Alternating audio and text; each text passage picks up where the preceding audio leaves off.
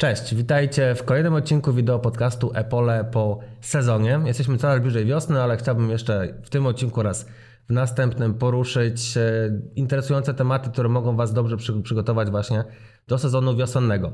W ostatnich wideo podcastach dużo mówiliśmy o azocie, o formach azotu, które są dostępne w nawozach, również o innych makroelementach, które mogą pomóc e, w tym, aby ten azot był dobrze przez rośliny wykorzystywany.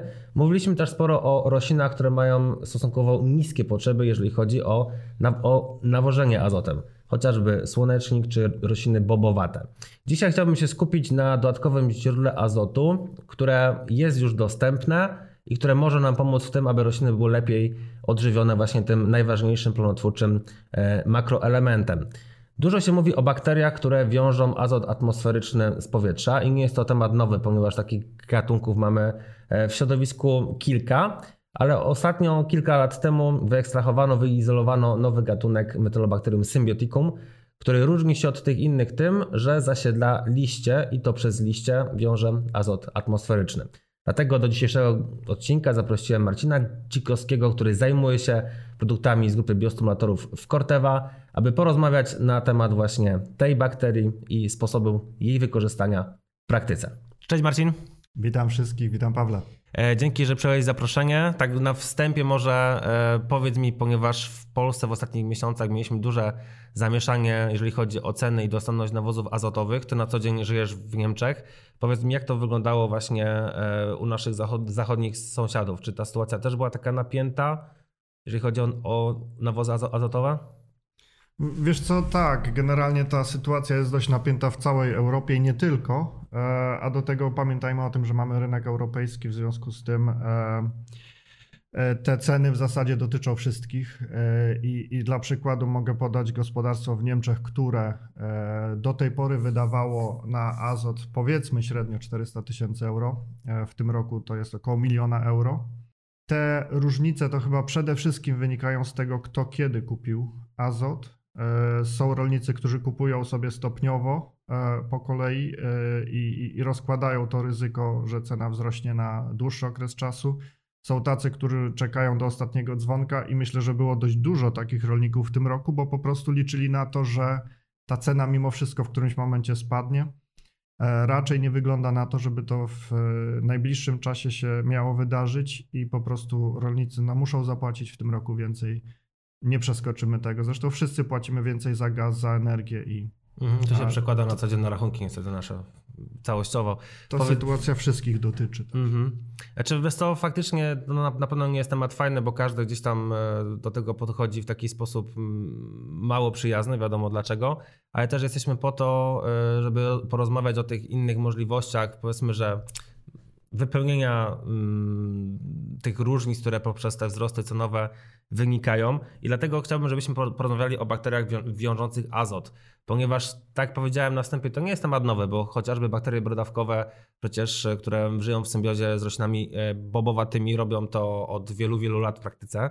I tak naprawdę chciałbym, żebyśmy sobie troszeczkę ten temat odczarowali i pokazali, że to nie jest magia, to jest nauka, tak? Czyli to jest coś, co możemy w praktyce wykorzystać. Proszę opowiedz trochę więcej o właśnie tych bakteriach, które występują w środowisku, jak je możemy podzielić, czym się charakteryzują.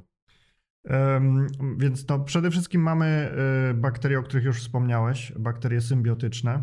E, te bakterie e, dostarczają, dostarczają azot e, do roślin i, i no tutaj jest to o tyle ograniczone, że to są specyficznie rośliny motylkowe i E, te bakterie wytwarzają struktury, wytwarzają e, w korzeniach odpowiednie, e, odpowiednie struktury, które pozwalają dostarczać azot do tych roślin. Są to bakterie, trzeba przyznać, bardzo wydajne, jeśli chodzi o ilość azotu, którą mogą dostarczyć.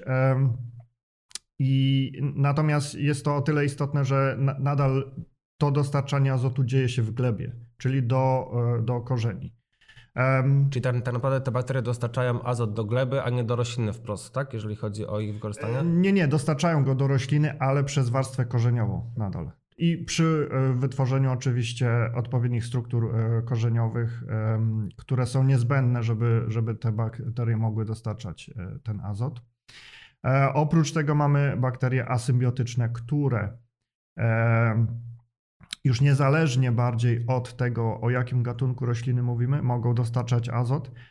Problem w tym, że te bakterie nie są tak wydajne w dostarczaniu azotu, czyli po pierwsze nie będą to duże ilości azotu, e, które te bakterie mogą do, dostarczyć, a oprócz tego jeszcze mm, następny problem jest taki, że dostarczają go zazwyczaj wtedy, e, kiedy tego azotu w glebie e, nie ma, jest niedostępny lub na przykład warunki tlenowe nie pozwalają roślinie na pobranie tego azotu.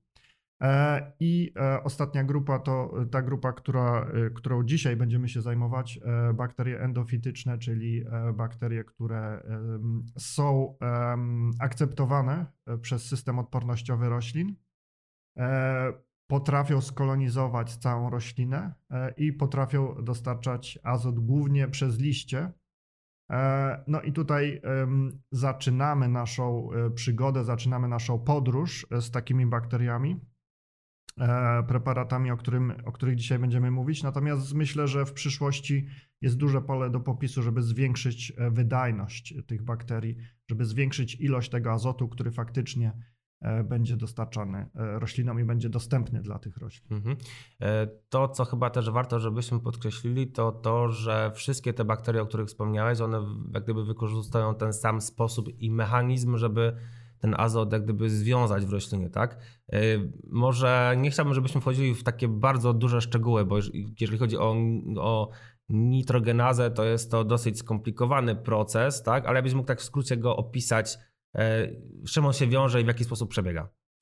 E, tak, y, wszystkie trzy grupy, tak jak mówiłeś, wiąże e, cykl nitrogenazy, czyli e, sam mechanizm pobierania azotu z powietrza, bo pamiętajmy, że nawet jeśli mówimy o bakteriach glebowych, to one nadal pobierają azot atmosferyczny z powietrza, który jest w glebie.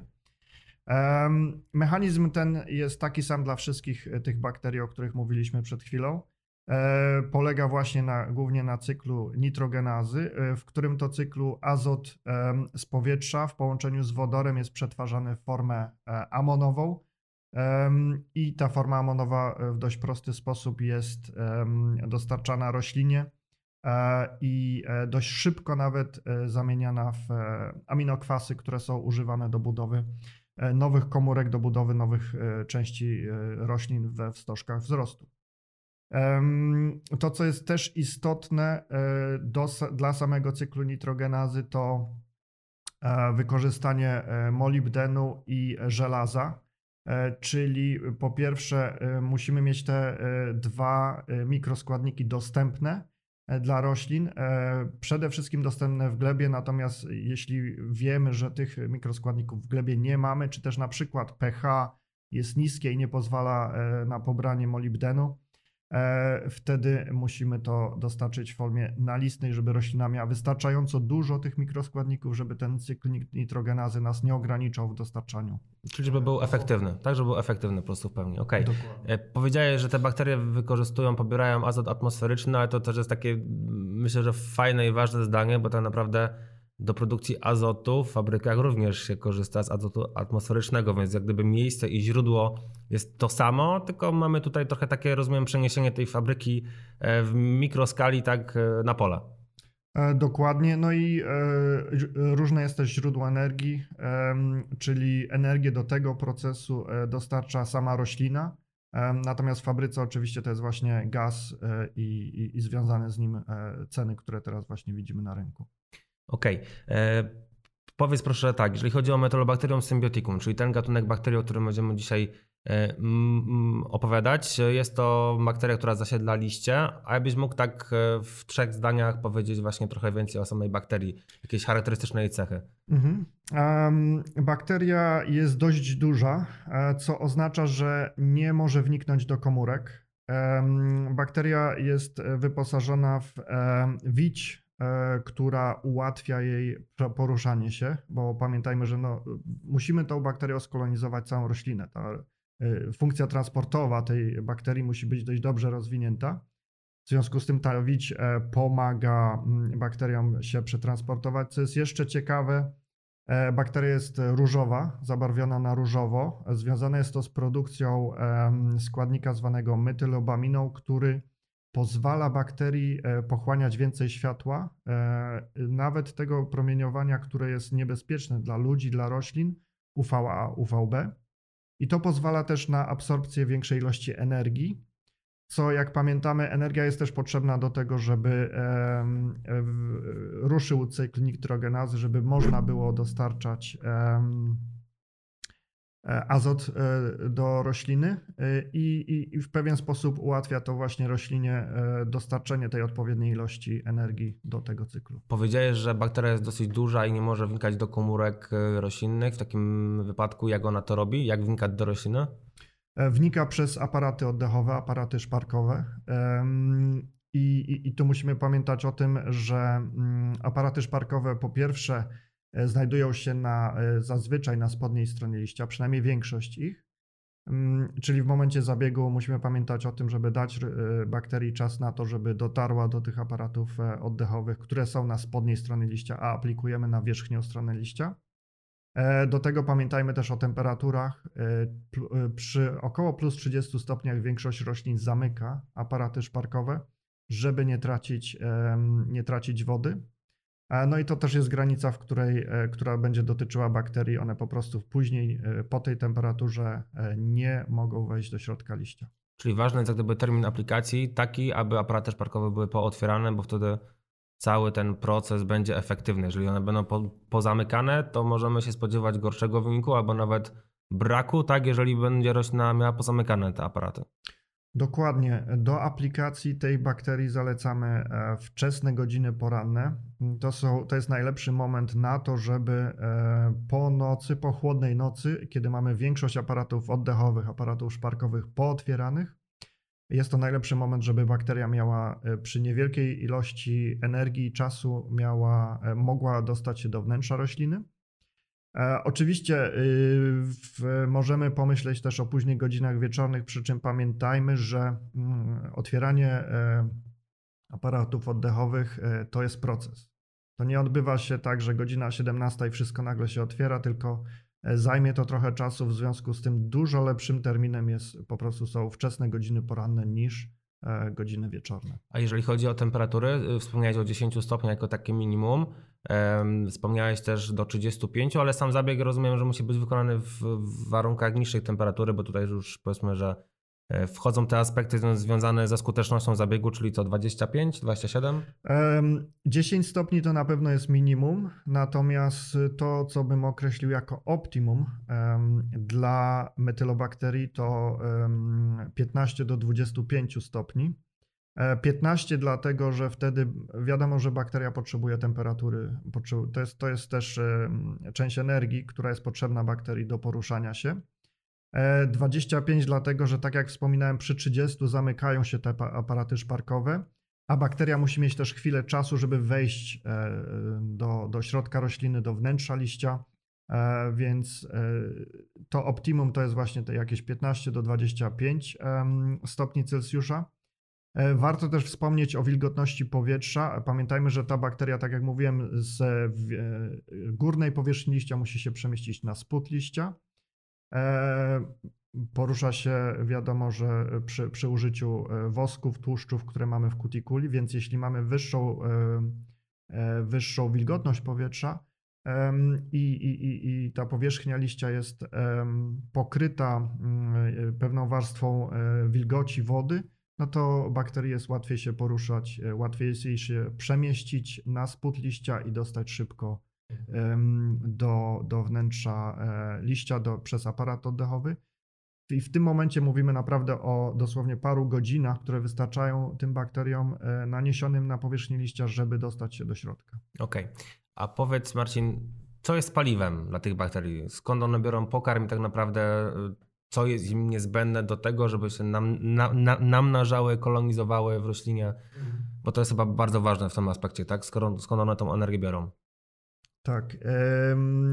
Trochę sama nazwa wskazuje już na to, jak, jakie jest źródło, źródło energii e, dla tych roślin. E, jest to metanol.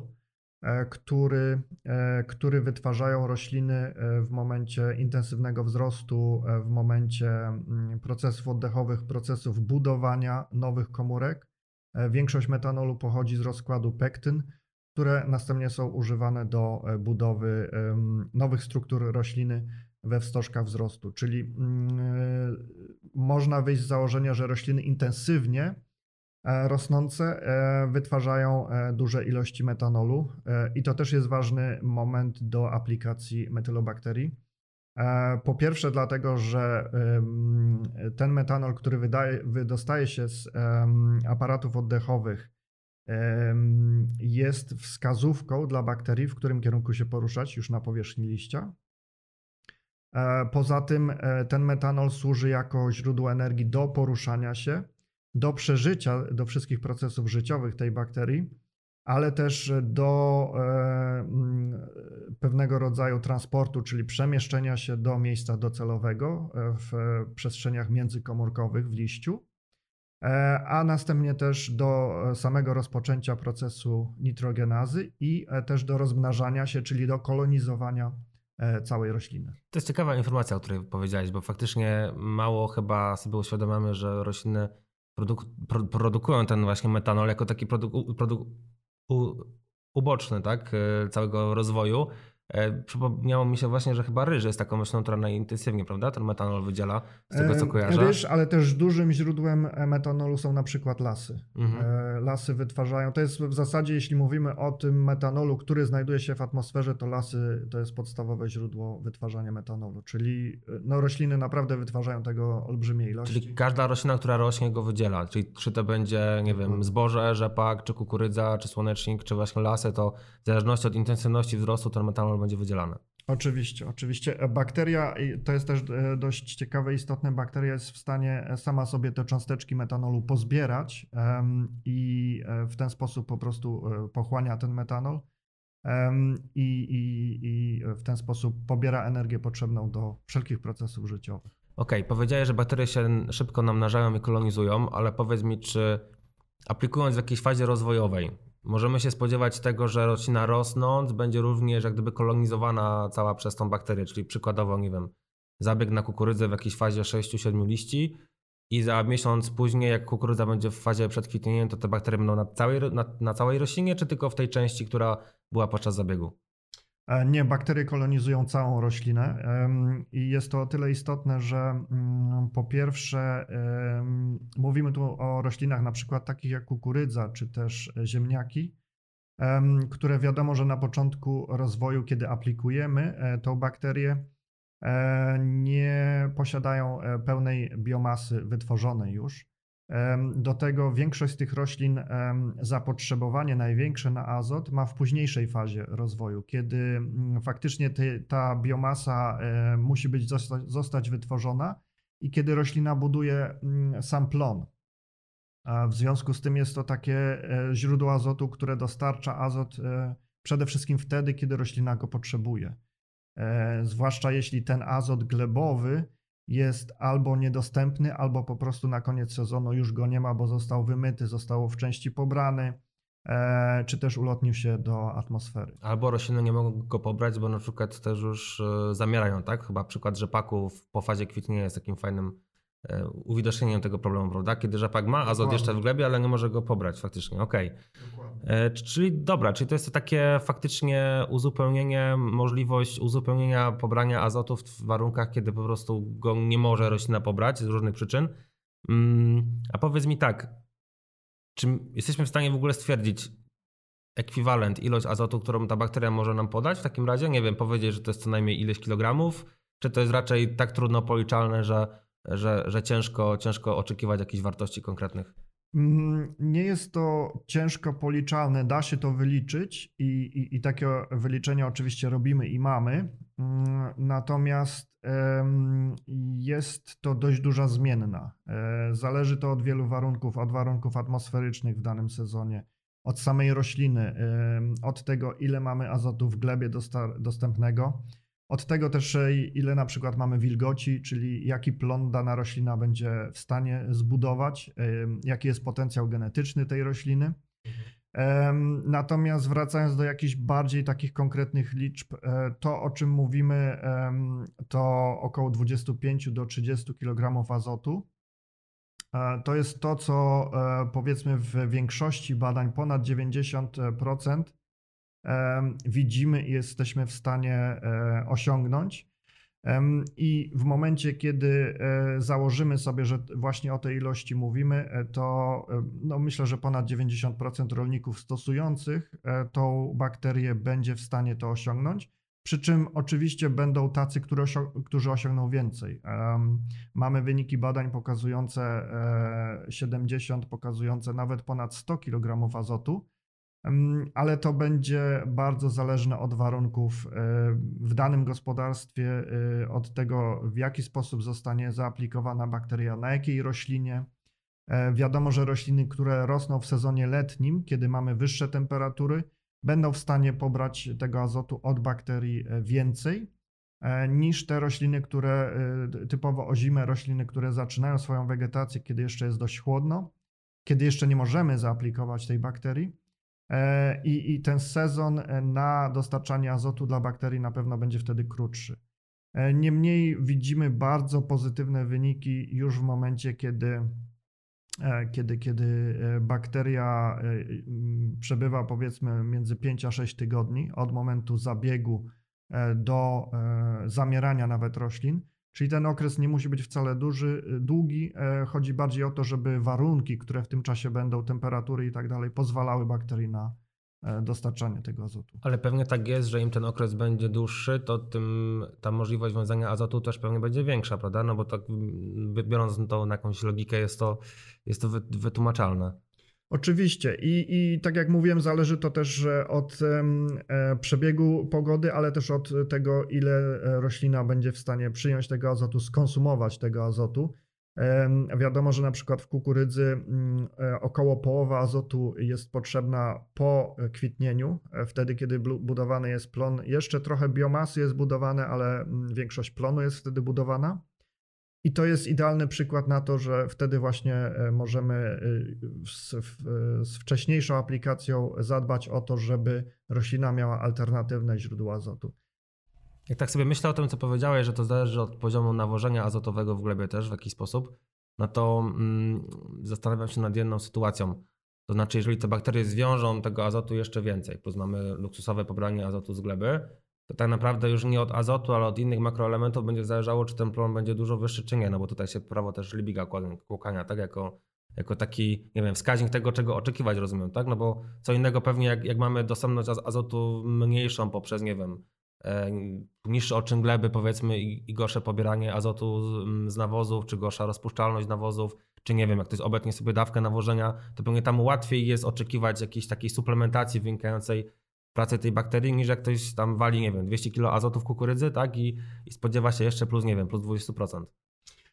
To znaczy, z, po pierwsze, z wyników badań e, widzimy, że mm, stosowanie metylobakterii e, zwiększa e, plon, czy też zwiększa możliwość pobrania azotu przez rośliny w różnych warunkach. Nawet jeśli mamy bardzo dużo azotu w glebie, e, to i tak jesteśmy w stanie mm, e, zoptymalizować plon, zoptymalizować rozwój roślin i dołożyć coś jeszcze na górkę. Pamiętajmy o tym, że ten azot w glebie, jak już mówiliśmy, nawet jeśli jest w tej glebie, to nie zawsze jest dostępny, nie zawsze roślina może go pobrać w takiej ilości, w jakiej chcielibyśmy, żeby mogła zbudować plon, bo wystarczy, że będzie za mało wilgoci i to już będzie hamowało pobieranie azotu. Natomiast jeśli chodzi o pozostałe e, składniki pokarmowe, to tak, na pewno musimy pomyśleć o tym, że jeśli chcemy zbudować większy plon, no to ten plon nie będzie zależał tylko i wyłącznie od azotu, ale wszystkie pozostałe składniki pokarmowe też powinny być na odpowiednim, komfortowym dla rośliny poziomie. E, przy czym to, co widzimy e, w rozwoju roślin, w zachowaniu się roślin, w odpowiedzi na e, aplikację metylobakterii jest, e, jest to stymulacja pobierania tych składników pokarmowych, czyli roślina w porozumieniu z bakterią wie, że musi pobrać tych składników pokarmowych więcej, żeby one były na wyższym poziomie, żeby można było faktycznie zbudować ten wyższy plon. Wiadomo, że potrzebujemy do samego cyklu nitrogenazy żelazo, molibden, do efektywnego wykorzystania azotu potrzebujemy siarkę. ale też fosfor i potas też będą konieczne do tego, żeby ten plon był wyższy. A powiedz mi, w jaki sposób możemy zbadać pracę samych bakterii w czasie wegetacji? Bo rozumiem, że jak gdyby mierzenie plonu to jest efekt finalny, końcowy, ale czy rolnik jest w stanie sobie, nie wiem, miesiąc po aplikacji w jakiś sposób zobaczyć, jak ta bakteria pracuje i czy ona pracuje przede wszystkim? Tak, to jest bardzo dobry punkt, dlatego że nie chcielibyśmy e, e, mieć sytuacji, w której aplikujemy dany produkt i potem musimy czekać aż do żniwy, żeby zobaczyć, czy w ogóle są jakieś efekty. E, to, co widzimy z doświadczeń, to zazwyczaj średnio patrząc na, na doświadczenia, na różne warunki atmosferyczne, dajemy bakterii około jednego tygodnia na to, żeby mogła wejść do rośliny i zacząć ją kolonizować. W ciągu e, dwóch do trzech tygodni po aplikacji e, widzimy mm, pełną kolonizację, czyli bakteria jest e, dostępna wszędzie. Oczywiście sam proces kolonizacji będzie nadal postępował, bo roślina będzie rosła. Natomiast to, co widzimy z efektów wizualnych, z takich efektów, które sami możemy zaobserwować, to w, po około 4 do 6 tygodniach widzimy pierwsze efekty mm, w budowie chlorofilu, czyli kiedy mierzymy chlorofil, różnymi urządzeniami, które są dostępne e, na rynku. E, widzimy podwyższone wartości w stosunku do e, kontroli. Dodatkowo jeszcze, ale to też jest taki dość, dość trudny do zmierzenia czynnik to kolor roślin. Jeśli mamy dostęp na przykład do zdjęć satelitarnych, czy też ewentualnie możemy wykonać zdjęcie dronem, to po 4 do 6 tygodniach widzimy pierwsze też różnice w kolorze. Dlatego, że idąc przez pole, nawet y, mając dość dobrze zaznaczone granice, gdzie, gdzie jest kontrola, gdzie, jest, gdzie została zaaplikowana matylobakteria, nie zawsze jesteśmy w stanie te różnice e, w kolorze zauważyć. A gdyby ktoś chciał zmierzyć poziom przykład azotu w roślinie, czy to jest wskaźnik? Poziom azotu e, mierzyliśmy, owszem, w doświadczeniach i prawie nigdy nie widzimy różnicy. Dlaczego tej różnicy nie widzimy? Po pierwsze, dlatego, że e, dość szybko e, po pobraniu azotu, po pobraniu tej formy amonowej, która jest dostarczona do rośliny, roślina wykorzystuje ją do budowy aminokwasów. Jest to e, pewien ciągły proces e, i bardzo trudno jest wychwycić ten moment, kiedy jeszcze mamy azot w formie amonowej. To jest jedna rzecz. Druga rzecz jest taka, że trudno powiedzieć, którą część rośliny należałoby pobrać, żeby zmierzyć właśnie te części azotu, dlatego że te różnice w azocie, dlatego że pamiętajmy, że bakteria jest w liściach, a azot w postaci aminokwasów jest transportowany bardzo szybko do stożków wzrostu. E, I kolejna rzecz jest taka, że azot, który dostarczamy w formie amonowej, szybko przekształcany w aminokwasy, jest e, wykorzystywany do budowy biomasy. W związku z tym mamy więcej tej biomasy, ale to nie znaczy, że ten azot jest bardziej skoncentrowany w tej biomasie, po prostu mamy jej więcej. Mhm. Okej, okay. a takie pytanie to też mi przyszło do głowy teraz, jak mówimy o metalobakterium. Jak długo ta bakteria w ogóle żyje? W, jak, w jakim okresie czasu ona jest w stanie pracować? W zależności od warunków, e, jakie mamy, e, mówimy od, o okresie życia od kilku dni e, do kilku tygodni. Jeśli wystąpią jakieś, powiedzmy, warunki stresowe, zwłaszcza kiedy bakteria jeszcze jest ciągle na liściu i e, nie zdąży wniknąć do tego liścia, e, wtedy mówimy o okresie życia kilku dni. Natomiast e, średni okres życia to będzie około 2-3 tygodni w optymalnych warunkach, czy, czy, czy powiedzmy maksymalne, maksymalny okres życia to 4 do 6 tygodni. Ale rozumiem, że ona się też namnaża, więc jak gdyby to nie jest tak, że po tym okresie te bakterie jak gdyby już nie kolonizują dalej rośliny, tylko jak gdyby namnażając się cały czas prowadzą do dalszego rozwoju. Mm, tak, kolonizacja to jest praktycznie ciągły proces, aż do momentu, e, kiedy mm, roślina sama zamiera lub też zostaje e, skoszona, czyli w każdym razie przestaje wytwarzać metanol, który jest niezbędny do życia tej bakterii. Mm, I pamiętajmy też o tym, że te liście, które są coraz starsze, które były w momencie zabiegu, które zostaną skolonizowane jako pierwsze, e, one w pewnym momencie przestają pełnić jakąkolwiek funkcję w fotosyntezie. E, wręcz w kukurydzy widzimy proces obumierania tych liści. E, to też dzieje się po części, przynajmniej w rzepaku. kiedy roślina już dochodzi do, do momentu dojrzewania i przestaje, przestaje zajmować się fotosyntezą, przeznaczać energię na fotosyntezę, tylko, tylko skupia się na dojrzewaniu. Okej. Okay. Z tego, co powiedziałeś, wynika, że trzeba spełnić kilka warunków podczas aplikacji, które są niezbędne do tego, żeby ta bakteria efektywnie działała i to jest tak gdyby produkt mikrobiologiczny, czy też bakteria w ogóle jest organizmem żywym, jest tutaj, jest to zrozumiałe, ale jakbyś mógł tak podkreślić i wypunktować te najważniejsze elementy, które trzeba spełnić podczas zabiegu, żeby móc oczekiwać efektu na końcu. Tak, to co mówiliśmy, e, to e, wczesne godziny poranne, kiedy większość aparatów szparkowych jest otwarta. E, do tego optymalne temperatury to 15 do 25 stopni. I oprócz tego wilgotność powietrza w granicach powiedzmy 30 do 50%. Postarajmy się unikać tego powietrza suchego.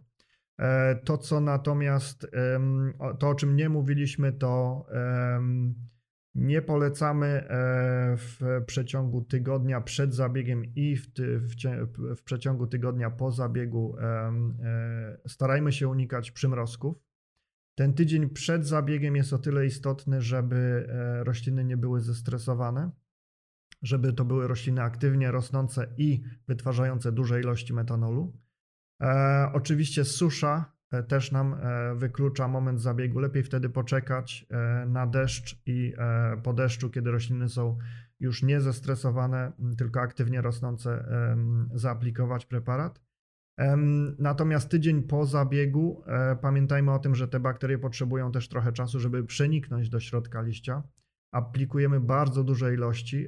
1 gram preparatu zawiera E, około 30 milionów bakterii, więc e, w momencie, kiedy aplikujemy powiedzmy 333 gramy, co jest standardową dawką w roślinach rolniczych, no to aplikujemy na, na 1 hektar bardzo duże ilości bakterii. No i te bakterie muszą mieć czas, żeby wniknąć do liścia i dlatego tydzień po um, zabiegu raczej staramy się unikać um, przymrozków, żeby te bakterie spokojnie dostały się do środka. Kiedy są już w środku, rośliny są bezpieczne czyli to, co nie zabije rośliny, nie zabije też bakterii.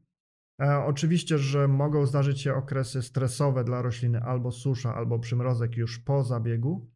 E, natomiast to nie przeszkadza bakterii w późniejszym funkcjonowaniu i dostarczaniu e, azotu dla rośliny i też kolonizacji reszty rośliny, która, która później nam wyrośnie. Okej, okay, czyli jak gdyby roślina musi być w fazie wzrostu, niezestresowana, żeby ta bakteria mogła efektywnie jak gdyby produkować i prowadzić swoją robotę w roślinie. E, a co z, a co z pH? Co z pH cieczy opryskowej? Bo to, jest często przy zabiegach jakiś taki element, e, który powoduje zaburzenia.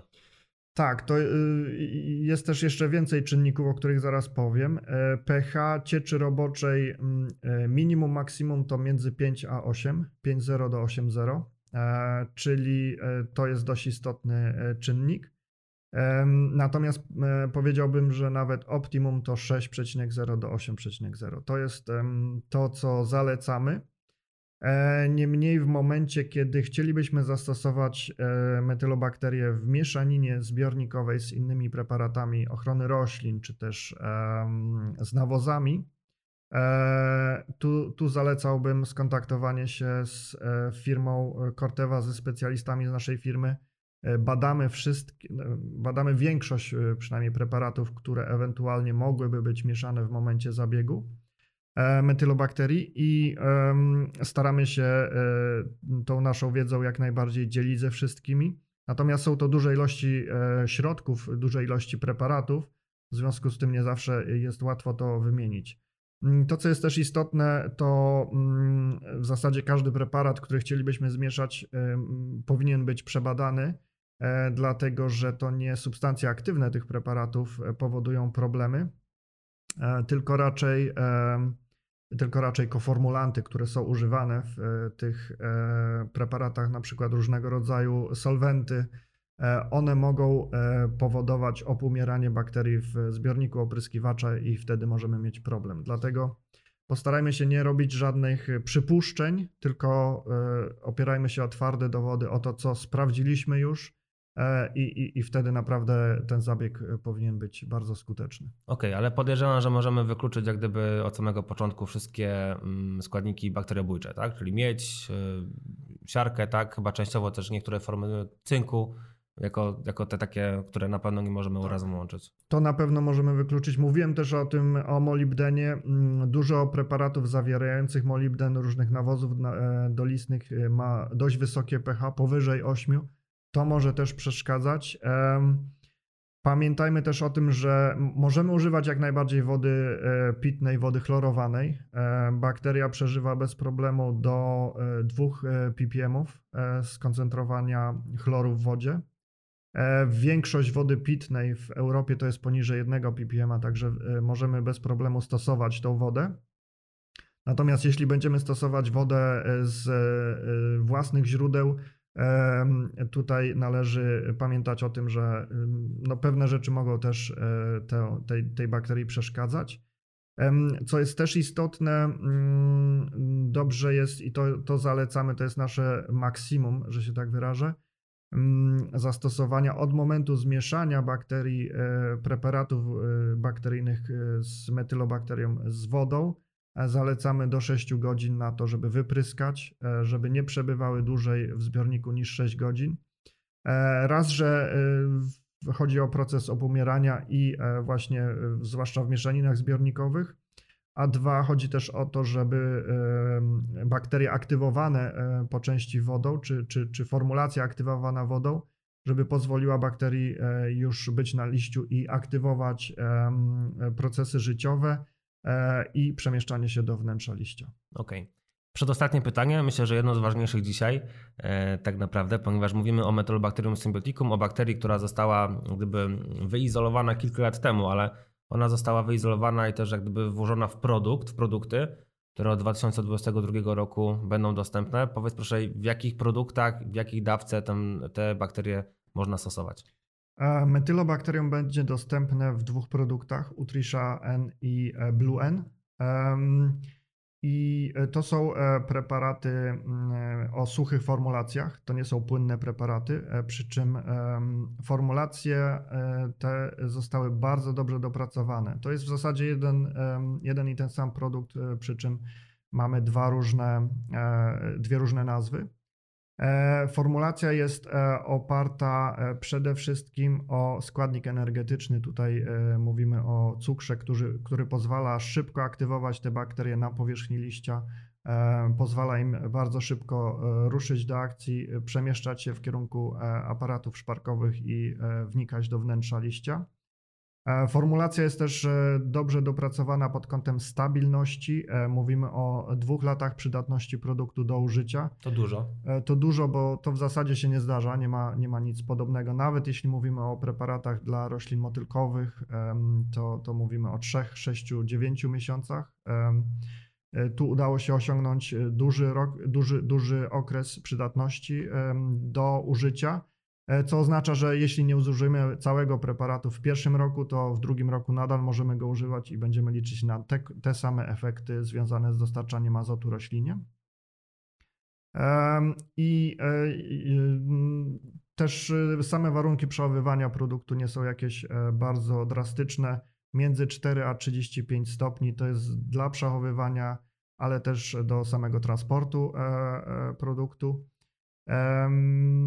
Co jeszcze możemy powiedzieć? Oczywiście unikanie e, jakiegoś bezpośredniego nasłoneczniania tego, tego, tych opakowań produktem czy Blue N, czy Utrysha N e, też jest na pewno zalecane, natomiast samo opakowanie to e, torba aluminiowa, która bardzo dobrze chroni formulację i pozwala na ograniczanie jakichkolwiek strat a chroni też przede wszystkim nie tylko przed światłem słonecznym, ale też przed, przed wilgocią, która no nie powinna się dostać, żeby, się, żeby zachować wysoką jakość. E, dawkowanie mówiłeś 330 e, gramów na hektar dla roślin rolniczych, tak? A inne jakieś uprawy też są zarejestrowane? 333 gramy e, na hektar, tak, to jest dla większości roślin.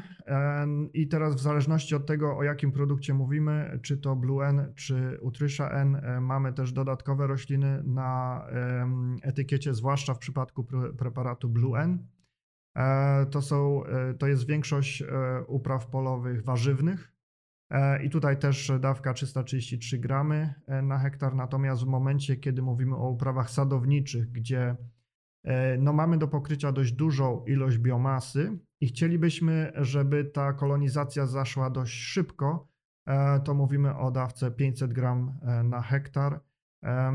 Po prostu chcielibyśmy, żeby e, ten preparat zaczął szybko funkcjonować. E, oczywiście moglibyśmy zastosować niższą dawkę i poczekać na kolonizację, ale nie, nie, nie bardzo mamy na to czas, e, zwłaszcza w warunkach Polski, kiedy ten sezon wegetacyjny trwa 3-4 miesiące, to chcielibyśmy te efekty dostarczania azotu w odpowiednich ilościach zobaczyć w miarę szybko i dlatego zwiększamy dawkę w roślinach sadowniczych do 500 gram na hektar. Marcin, ostatnie pytanie na dzisiaj związane z YouTube'em, z kanałami, które być może oglądasz i mógłbyś polecić naszym widzom i słuchaczom. E, które z tych kanałów są wartościowe i chciałbyś o nich opowiedzieć? Um, ja ze swojej strony to, to, to, to bardziej prywatnie to traktuję, um, ponieważ dwa lata mieszkałem w Stanach Zjednoczonych, to subskrybuję kilku rolników ze Stanów Zjednoczonych, e, którzy um, E, którzy, którzy, zwłaszcza tych, którzy testują różnego rodzaju nowinki e, i potrafią e, dobrze o tym opowiedzieć, bo przyznam się bez bicia, że czasami po prostu styl informowania rolnika mi nie odpowiada i odpuszczam sobie, natomiast to, co łatwo przyswajam, E, to staram się mm, kontynuować i sobie subskrybować. I jeśli rolnik jest w stanie mi wytłumaczyć, co zauważył w polu, i, ja jestem w stanie to zrozumieć, to staram się to kontynuować. I, i, i mam trzech rolników z różnych stanów, e, właśnie ze Stanów Zjednoczonych. A jakieś nazwy mógłbyś coś właśnie. Yy, Och, Millennial Farmer na przykład, Brian's Farming, i Larson's Farming. Okej, okay. jakieś tam linki wrzucimy w opisie tego odcinka, żeby można... Te trzy kanały e, polecam. E, bardzo, bardzo fajni ludzie. Podoba mi się styl informowania o, o, o tym, co otrzymują. I mam też jedno, jednego rolnika w Niemczech, e, który mm, właśnie bardzo dużo e, nowinek testuje, nie tylko nawet związanych e, z samą ochroną roślin, z odżywianiem roślin, ale też z typową agrotechniką, różne metody siewu.